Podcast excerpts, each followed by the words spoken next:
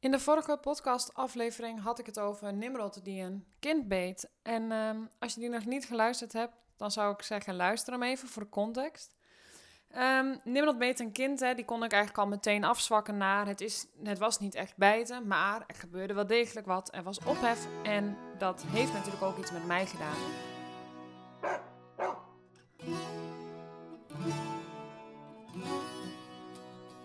Want hoewel het lijkt dat ik daar heel nuchter uh, doorheen wandel, wat ook wel degelijk zo is, omdat ik, zoals ik in die podcast ook aangeef, um, heel erg goed begrijp wat er is gebeurd. En dat dus ook heel gerechtvaardigd vind vanuit Nimrod. Waar ik wel last van heb, en dat deel ik dan meer gewoon uh, vanuit mijn eigen stuk en hoe ik daar dan in sta, is het contrast met wat mensen denken. Want wat ik zie is dat um, er dan toch een beetje leeft van oh en oeh en ah. En, en dat is een uh, hond die dus eigenlijk niet zo vriendelijk is. Alleen is het zo dat als jij een grens aangeeft en een hond kan dat niet anders dan op deze manier doen. Hij, hij, ik bedoel, hij kan niet zeggen: jongens, stop ermee. Ik vind het niet fijn. Hé, hey, mijn rug doet pijn. Wil je er even rekening mee houden? Dus een hond doet dat anders dan dat wij doen. En als we het dan hebben over bewustwording en de reden waarom ik dit wil delen, is realiseren we ons altijd wat we in huis hebben in combinatie met de torenhoge verwachtingen die we hebben. Terwijl er zo'n kloof is in um, hoe honden bijvoorbeeld dingen kenbaar maken. En dat hoeft niet op de manier um, van bijten, hap, happen, snappen. Alleen er komt ook wat anders bij. Wat ik ook in de, in de, vorige podcast deelde. Veel honden doen dat ook niet zomaar op dat moment. Dus er zijn altijd ontzettend veel signalen. Dus eigenlijk, als we het dan hebben over bewustwording, hetgeen wat ik ontzettend graag de wereld in wil brengen. We nemen een hond in huis. Maar er is een grote barrière in verschil in, in, in, in taal, zeg maar, die we spreken. Daar leren we te weinig over. We hebben torenhoge verwachtingen van wat allemaal zou moeten, hè, hoe zo'n hond zich eigenlijk zou moeten opstellen binnen de maatschappij. Hij moet vriendelijk zijn, sociaal, hij moet dit, hij moet dat, hij moet overal mee naartoe kunnen of niet. Iedereen heeft daar zijn eigen verwachtingen in. Maar vriendelijk zijn, sociaal zijn, aardig zijn, dat is toch wel het minste wat we vaak verwachten. Nou, wat doe je onaardig, zegt dat was toch niet nodig? Bijvoorbeeld als een hond gromt naar een andere hond in een, in een losloopgebied. De volwassen hond die tegen de pup zegt: Ja, weet je, uh, wat mij betreft, stop je, want je dramt wel heel erg door. Dan vragen mensen mij: Nou, Aniek, hoe kan dat nou? Mijn volwassen hond doet vervelend tegen puppies. Ja, dat kan. Maar ik weet niet hoe het met jou zit. Maar als je als volwassene op de bank zit en er is continu een peuter die de hele tijd maar door blijft gaan. Er is toch een contrast in, in behoeften, in wat je zou willen. Dus dat daar een kloof is en eventueel een grens ligt, is wat mij betreft heel logisch. Wat er dan eigenlijk met mij gebeurt is dat dat stukje bewustwording als een soort wolk even een tijdje boven mij hangt, omdat ik echt denk, my goodness, zeg maar. Weet je, um, waar, waar begin je soms ook? Want het contrast is zo groot. Het contrast gaat over het, het hele verhaal, de hele hulpvraag. Alles wat er gebeurt, of dat nou in deze situatie is, in andere situaties, gaat over zoveel meer dan perfectie, imperfectie, over goed en fout, over aardig of niet aardig, over vriendelijk of niet vriendelijk, over sociaal of niet sociaal ik vind ook dat we heel vaak dingen tegenover elkaar zetten. Alsof, het, eh, alsof dat, het is vaak of-of in plaats van en-en. Zou het ook kunnen dat dingen naast elkaar bestaan? Nou ja, in mijn hoofd wel. Laat ik dat dan zo even verwoorden. Maar wat ik er lastig dus aan vind, is dat je ehm, gewoon op het stukje bewustwording komt. Vanuit de hond gezien is het logisch om te zeggen: stop, hou op, ik wil dit niet. Dan heb je het maatschappelijk plaatje. En ik verwoord hem denk ik misschien nog wel meer. Weet je, bij mij is dat dan een dag en nog een dag en dan is het wel klaar. En dat is dan meer ehm, niet vanuit de lading van um, oh jee en, en, en noem het op. Hè, vanuit een stukje onzekerheid, maar veel meer vanuit een stuk bewustwording. Vanuit mijn werk ook. Ehm, en vooral, ik voel dan de scheefgroei in de lucht hangen van... van wat mensen vaak over een hond denken die zulk gedrag vertonen versus wat er gebeurt. En die benoem ik dus omdat ik hem ook vaak zie in, bij, bij mijn klanten. Eh, mensen die advies krijgen. Mensen die, als je op straat loopt, dat we bepaald gedrag van een hond eigenlijk meteen labelen. Oh, dat is niet zo'n vriendelijke hond, hè? Oh, hij is helemaal niet sociaal. Oh, wil hij niet spelen? Oh, nou, oké. Nou, hij is niet goed opgevoed, hè? We hebben gewoon allemaal labels dat op het moment dat een hond op zijn manier, en ja, dat is dus een wezenlijk verschil met hoe mensen dat doen en tegelijkertijd ook niet, maar met hoe mensen dat doen, ehm, om aan te geven: dit vind ik fijn, dit vind ik niet fijn, dit is mijn emotionele beleving, dit is wat ik nu ervaar, dit is hoe ik in mijn vel zit, dit is wat ik ervan vind, dit is wat ik ervan vind om te functioneren in onze overvolle, drukke maatschappij.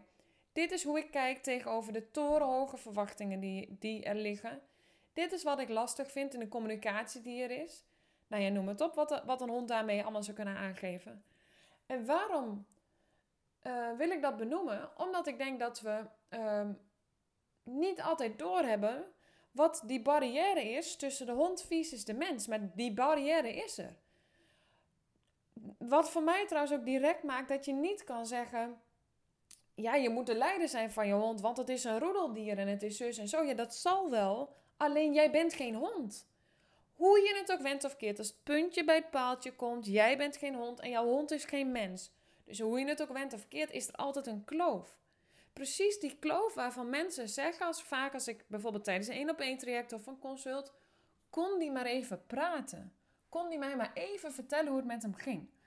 En nog even los van, oh, ik geloof dat, dat dat zou kunnen als je zou kijken naar een, een reading. Hè. Ik heb ook een, een podcast met Simone Ottervangers bijvoorbeeld, waarin je, hè, als je zou, uh, hè, dat, dat je kan luisteren naar de stem van de hond. Maar, los van dat,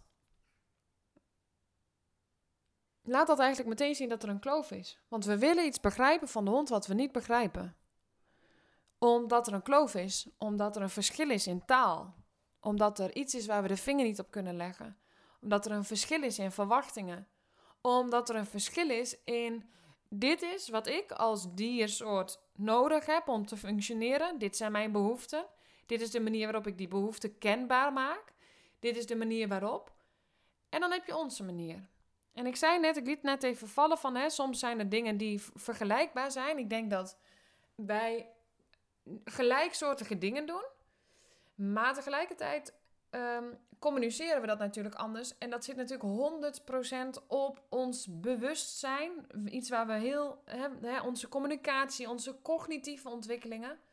Ik denk ook dat we die de overhand geven. Ik denk dat we ook door de dingen die er zijn, ehm, de, onze, de, de, telefoon, de digitale wereld. ik zeg heel vaak, we hebben er eigenlijk een extra wereld bij gekregen dus is het eigenlijk gek ook dat we lopen met chronische klachten van vermoeidheid, depressies, burn-outs, noem het op. Wat, en daar wil ik even met 100% veel waarde uh, over spreken. Want, want ehm, natuurlijk zijn er echt ontiegelijk veel redenen waarom dit er kan zijn. Maar kan je je voorstellen dat als je gewoon je eigen leven hebt, in het hier en nu, met alles wat er is, een jong gezin, je baan, gewoon de dingetjes die je doet, de dingen die uh, verwacht worden, even zo gezegd. Om gewoon te leven, om het te zijn. Maar als er dan bovenop een, een nieuwe wereld komt, namelijk de online wereld, waarin we een totaal eigenlijk nog weer ander leven hebben gecreëerd met ons social media, waarin we weet ik hoeveel mensen voorbij zien komen die we eigenlijk niet echt kennen en toch ook weer wel kennen. En nou ja, noem het op, dan is het niet gek dat daar een kloof ontstaat, maar dus ook, dan is het natuurlijk niet gek dat daar ruis door op de lijn komt. En ik denk ook dat we daardoor bijvoorbeeld intuïtief steeds meer verwijderd raken van wie we eigenlijk zijn. Want er is eigenlijk geen tijd meer voor. Uh, hoe voel je je? Hoe gaat het met je? Um, wat, hè, hoe zit je in je vel? Maar ook gewoon voelen. Bezig zijn met dingen die je misschien echt toe doen. Waar zijn we eigenlijk mee bezig? Wat doet er nou eigenlijk echt toe? Voor jou? Want in die zin is dat natuurlijk super relatief. Maar gewoon dingen die je toe doen. Dingen die ons uitnodigen om gewoon te zijn hier en nu met ons gezin, met onze partners, met onze vrienden, hoe je leven er ook uitziet. Gewoon samen zijn. Um, voelen. Niet afgeleid zijn, niet in de afleiding schieten. Als we dan terug gaan naar de honden, dan denk ik dat daar zoveel in weerspiegeld wordt, in zichtbaar wordt, in gezien wordt. Waarin de hond continu ook uitnodigt om weer naar dat stuk toe te gaan. En misschien denk je, oké, okay, maar meidje dwaalt een beetje af. Dat, dat zou kunnen. Maar eigenlijk is het zo dat ik soms door mijn werk nog wel meer me gewoon steeds meer verbaas over het feit dat we heel gemakkelijk in huis uh, honden in huis halen, maar eigenlijk helemaal niet zo goed weten wat halen we nou eigenlijk echt in huis. En natuurlijk echt niet iedereen en bladibla, nee, natuurlijk niet. Maar hebben we door wat we in huis hebben? En eigenlijk is daarin ook die schattige, die, al die schattige huistuin keukenhonden die niet zo snel op dat punt komen om die behoefte op een manier te communiceren zoals wellicht, om even lekker stereotyp te praten, hè, die, die lelijke rotweilen dat zou doen, die ik trouwens niet lelijk vind, maar hè, je, je begrijpt wat, wat ik probeer te zeggen. Eigenlijk is dat een beetje een probleem, want het geeft een vertekend beeld. Alsof die kloven niet is. Misschien is dat beter gezegd, maar die kloven is er wel. Althans, die is er nog wel, laat ik zo zeggen. Omdat ik dus denk dat we een fundamentele verschuiving te maken hebben in wat we leren over onze hond, maar ook hoe we het proces om een hond te nemen aangaan. Want, want de informatie die we nu vinden, die is lastig. En oké, dit is natuurlijk een beetje donker ingekleurd hè, vanuit mij. Dat je denkt, nou, lekker uh, pessimistisch, Aniek. Dat kan ik me ook voorstellen. Maar ik moet heel vaak denken aan mijn konijnen. Ik heb drie konijnen en ik moet heel vaak denken aan... Eigenlijk zijn dat best wel lastige huisdieren. En dan niet lastig omdat de lat hoog ligt of omdat ik dat perfect wil doen. Maar als je gewoon kijkt naar het dier, de, de, de, de soort specifiek behoeften die er liggen. En de manier waarop wij ze vaak nemen, is een enorm contrast. En eigenlijk daarmee ook wat er op de markt aangeboden wordt om zo'n dier te houden. Dus ehm, een klein hokje met wellicht een minimale ren eronder. Nauwelijks de ruimte om natuurlijk gedrag uit te oefenen. Graven, rennen, hun energie kwijt kunnen. Ergens onder kunnen schuilen. Voeding. Groot contrast in voeding. Veel konijnen die daardoor ziek zijn, vroegtijdig overlijden, verkeerde voeding krijgen. Maar eigenlijk, een hond is in die zin makkelijker. Maar dat is wel te danken aan de hond, want de hond is meester in zich aanpassen in het samenleven met de mens. Het is niet grap dat daar een evolutie natuurlijk is geweest. Hè? Dat, dat er een evolutie heeft plaatsgevonden en dat de hond op dit moment samenleeft met de mens. En ehm, als je daar echt meer over wil weten, dan kan je het boek lezen van, uh, volgens mij Sean Bradshaw heet hij. Dit is de hond. Um, wat ik daar mooi aan vind is dat er gewoon die, die kritische vragen worden gesteld over de evolutie van de hond. Ja, oké, de hond stamt af van de wolf. Ja, maar wanneer dan? En hoe dan? En hoe is dat dan gegaan? En kan je daarom nog zeggen, omdat die hond ooit eens afstamde van de wolf en in die evolutie wellicht bij de mens is gaan voegen, hè, zich gaan samenvoegen om, om samen te leven. Maar kan jij, kan jij dan nog zeggen dat jouw vrolijke havenezer, ik weet niet of je ze kent, of de, de gemiddelde labradoodle dan nog afstamt van de wolf? Ik weet niet hoe het met jou ziet, maar als we het hebben over een kloof, ik zie daar echt wel een gigantische kloof. Dus eigenlijk hebben we naar de hond als specifieke soort te kijken wat zijn de behoeften van de hond. En inmiddels hebben we daar echt ontzettend veel onderzoeken naar gedaan. Dus we weten er ook veel over, over de hond als soort zijnde. Wat heeft de hond nodig? Alleen, als we het dan hebben over die konijnen en dat aanbod wat er is, ook in de markt hè. Eh, het gemak waarmee je een konijn kan kopen. Je loopt naar de dierenwinkel, je hebt een hond. Dat gemak is er bij honden ook. Je kan vandaag je hond nog ophalen. Betekent ook dat je een niet zo goed gefokte hond hebt. En waarschijnlijk zelfs in erbarmelijke omstandigheden. Want als we het hebben over broodfokken, is wat mij betreft een podcast op zich. Maar eh, daar zit al de eerste scheefgroei eigenlijk. En dan kom je ook weer uit bij dat stukje um, digitale leven, um, ehm, 24 uur, maatschappij, de maakbaarheid. Ik wil iets, ik krijg het nu. Uh, je kan je hond nog ongeveer laten bezorgen thuis, zeker bij slechte fokkers. En je hebt vanavond zo'n enorm schattig beestje in huis. Superleuk. Maar ja, en dan? Maar ook als je dan kijkt in het marktaanbod hè, van, van wat je dan, wat, wat, wat als je naar de gemiddelde dierenwinkel gaat, dan denk ik altijd ja, oké. Maar wordt hij nou echt ingespeeld op de behoeften van de hond? Ik moet wel zeggen, uiteraard, uh, ook daar komt een verschuiving in. Maar soms ook totaal niet. Er zit ook, ook nog steeds een enorme kloof in wat we inmiddels weten en wat er aangeboden wordt. Dus de konijn vind ik lastiger dan de hond in die zin. Ehm, dat is op zich niet zo, maar je moet wel weten. Hè, ik vind dat je eigenlijk nog wat dieper in de kennis gaat, omdat ik, omdat ik denk dat, er, dat het sneller mis kan gaan als je ook kijkt naar voeding en zo.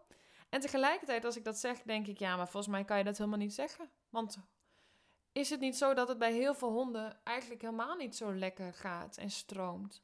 Als ik voor mezelf spreek, en dat deed niks af aan de liefde voor Nimrod, maar eigenlijk hebben we vanaf het begin gewoon best wel wat te stellen met hem gehad. En gewoon dingetjes gehad waarvan ik dacht, en waarvan ik nu ook achteraf denk, dat had ook absoluut te maken met de kloof die er was tussen mens en hond. En de de invulling van de behoeften, hetgeen waar ik behoefte aan had en waar de hond wellicht behoefte aan had, uh, hoe doe ik dat dan? Hoe maak ik dat dan kenbaar aan hem? Hoe maakt hij dat kenbaar aan mij? Hoe vul ik dat in? Hoe vul ik zijn leven in? Waar gaat het eigenlijk om? Maar, maar zelfs nog wel een stap verder. Hoe vind ik dan eigenlijk een hond die daarbij past, zodat die kloof wel minder kan worden? Ik denk dat de kloof er helemaal niet hoeft te zijn. Hè? Ik maak vaak de vergelijking met: stel, je bent in het buitenland, of laat ik, laat ik het anders verwoorden. Er, er komt iemand uit ehm, eh, het buitenland hier in Nederland bij jou. Dan heb je eigenlijk eerst ook een beetje een kloof. En dan op het oppervlak heb je dat kloof niet. Heb je die kloof niet. Dat is eigenlijk een beetje vergelijkbaar met honden. Want al wijzend en met, met voeten en armen en noem het op, kom je een heel eind. Dan spreek je de taal misschien niet echt, maar je kan best wel elkaar een beetje begrijpen en helpen. En elkaar een beetje op die oppervlakkige behoeften voorzien. Maar als we gaan kijken naar een stukje emotionele beleving, uh, emotionele uitingen ook. Ik denk ook behoeften, culturen. En daarop in kunnen spelen, elkaar daarin kunnen zien, maar ook weten wat zijn die culturen. Dat betekent dus eigenlijk dat we ons moeten verdiepen. We hebben ons te verdiepen in de cultuur van. We hebben ons te verdiepen in de taal van de ander. Waarom? Dan is er ruimte voor de emotionele beleving. Want als jij dezelfde taal spreekt, kan je die uiten. Als je die kan uiten, word je gezien. Is er ruimte voor je behoefte? Hoeft dat niet weggedrukt te worden? Of hoeft dat niet, hoeft daar geen kloof door te ontstaan? Je kan uiten wat er in je leeft. Ik denk dat die heel belangrijk is. Of hij wordt geuit, maar je begrijpt elkaar niet. Want dat is wat je met honden ook ziet. Dus stel je spreekt niet dezelfde taal, maar de emotionele beleving is er wel dan heb je natuurlijk wel de uitingen. Maar je hebt ook het enorme gapende gat wat ertussen zit. Omdat je aan het zoeken bent naar elkaars taal eigenlijk. Elkaars behoeften. Wat heb je nodig nu op dit moment? En ik denk dat als we het hebben over cultuur, die leg ik even naast ehm, de soort specifieke behoeften van de hond in zo'n cultuur kan er natuurlijk een contrast komen met bijvoorbeeld onze cultuur. Onze Nederlandse cultuur, maar ook jouw cultuur, jouw normen en waarden. En dan heb je dan de hond, ehm, die dus zijn soort specifieke behoefte heeft, waar dezelfde soort kloof kan komen.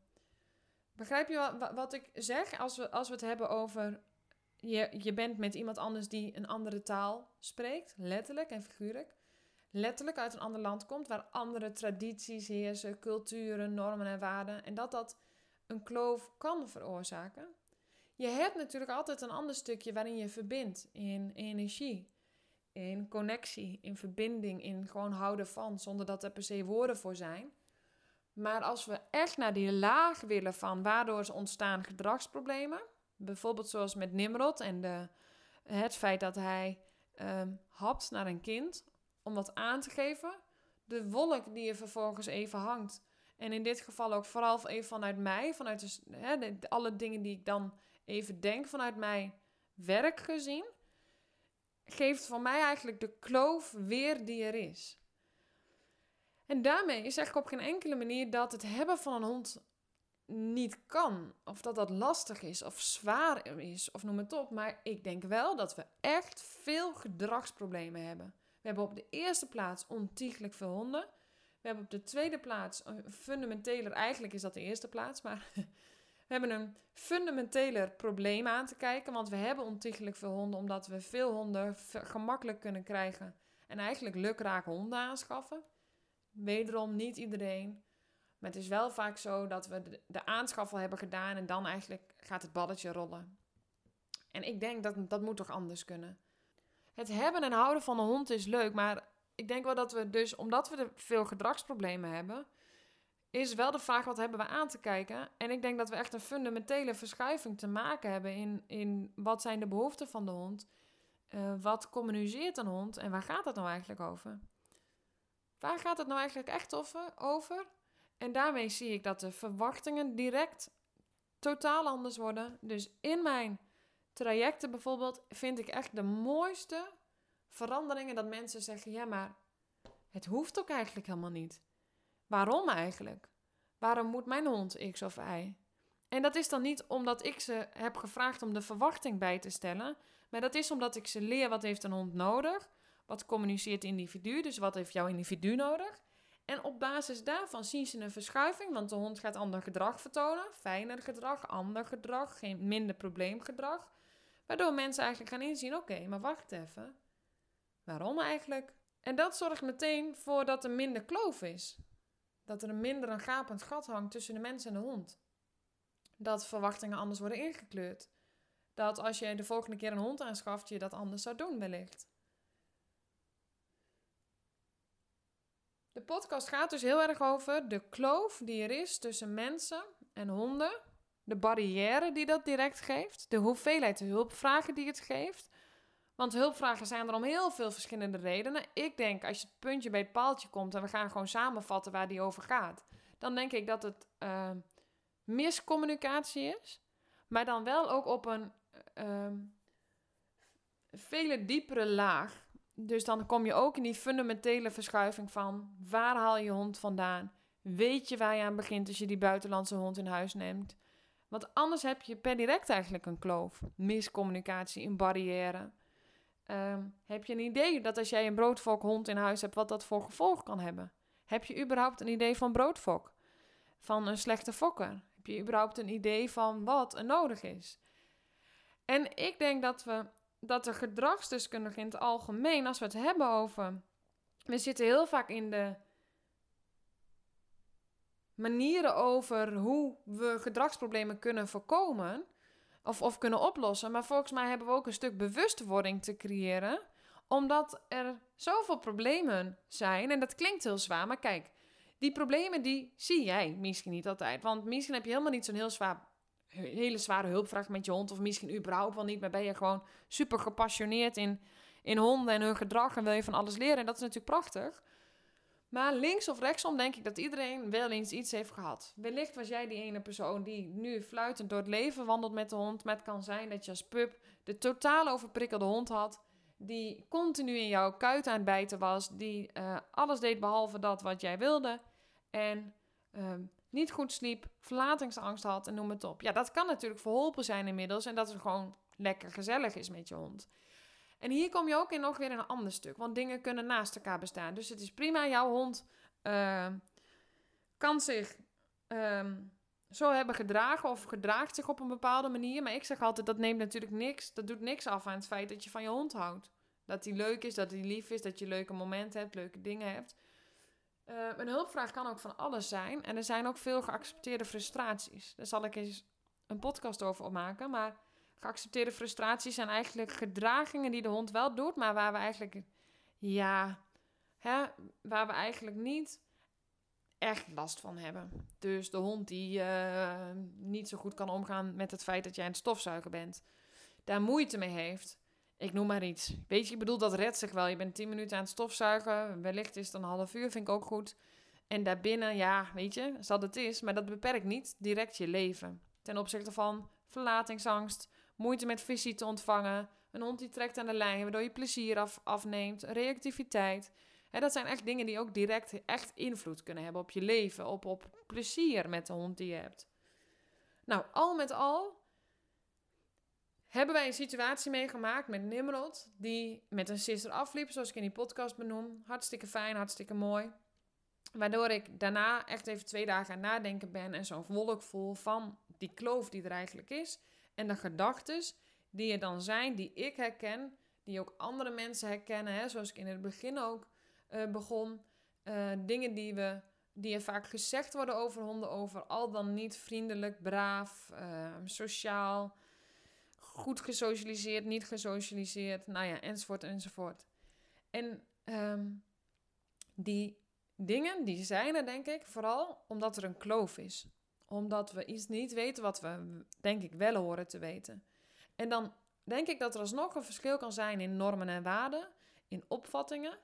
Maar er is denk ik wel een kloof tussen de hond als diersoort, als, als soort zijnde en de mens als soort zijnde. Waarin ik al samenvattend eigenlijk ook aangeef dat het daarbij, daardoor een, wat mij betreft een logisch gevolg is dat we hulpvragen hebben. En ook veel hulpvragen hebben. En dat we tegelijkertijd dat er ook een antwoord ligt. Door meer kennis te krijgen over die behoeftevoorziening van de hond, over de hond als diersoort zijnde, over inzicht krijgen in de individu die jij in huis hebt lopen. En vooral ook dat die kloof er mag zijn. Er mag een kloof zijn, want de hond is een hond en jij bent een mens. Dus die kloof die zal er zijn. Net als dat die kloof er zou kunnen zijn, misschien wel met die ene persoon die in een totaal andere cultuur leeft. Maar dat betekent niet dat je enorm kan connecten, verbinden, een relatie hebt, aangaat. En misschien zelfs wel zo dat daar een nog veel diepere laag ontstaat. Want ik denk dat ondanks dat die kloof er is, zoals ik al vaker aangaf, ondanks die kloof betekent niet dat er minder houden van is. Echt in tegendeel. Ik zeg altijd als houden van de leidraad is, dan, dan is het eigenlijk allemaal niet zo nodig. Want eigenlijk bijna iedereen geeft wel om zijn hond. Houdt van zijn hond. Gaat het aan, hè, ligt ons aan het. Uh, zijn we emotioneel betrokken bij hoe de hond zich voelt? En noem het op. Dus dat is het probleem niet. Het probleem is maar zelden dat we niet van de hond houden. Dat we er niet om geven, geen affiniteit mee hebben. Maar het zit wel vaak op een stuk onbegrip, op de kloof, op de hoe kan dit nou? Ik weet niet hoe het moet. Maar dus ook andere dingen, waardoor ik de podcast met over dat gedrag heb gemaakt. Omdat we heel veel dingen bestempelen als imperfect, hond luistert niet, wangedrag, asociaal gedrag, enzovoort, enzovoort. En dat ligt zoveel gelaagder dan wat, we, dan wat je ook vaak kan horen. Bedankt voor het luisteren naar deze podcast, waarbij we een beetje van links naar rechts schoten, maar wel iets wat ik graag wil delen.